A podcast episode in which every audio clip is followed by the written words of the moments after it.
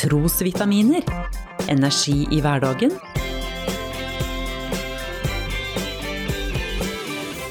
Ved Norea-pastor Svein Anton Hansen. Det er så dagligdags at jeg ikke tenker over hva som egentlig skjer. Jeg skal koke meg kaffe.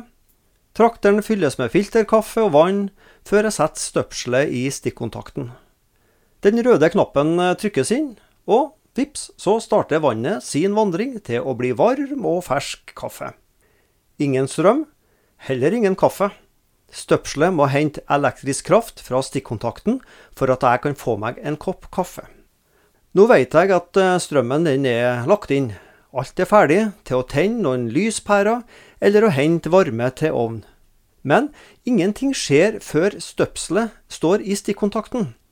Det hjelper ikke å putte støpselet ned i filterkaffen. I Kolosserbrevet ber Paulus de kristne være bevisst på hvorfra de henter kraften til hverdagslivet. Han skriver, Er dere da oppreist med Kristus, så søk det som er der oppe, der Kristus sitter ved Guds høyre hånd.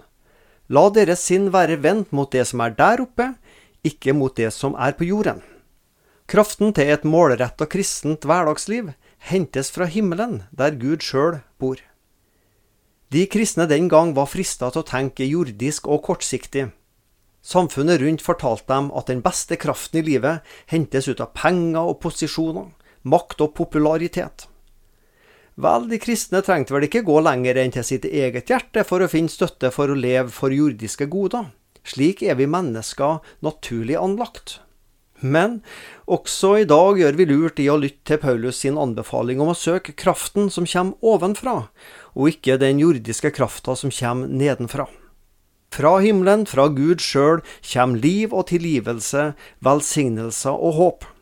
Valget er mitt og ditt. Vi velger sjøl hvor vi vil putte vårt livs støpsel, hvor vi vil hente kraften fra. Et langvarig kraftavtale med himmelens Gud, det vil lønne seg i det lange løp. Du har lyttet til Trosvitaminer med Norea-pastor Svein Anton Hansen. Du finner trosvitaminer på noreapastoren.no.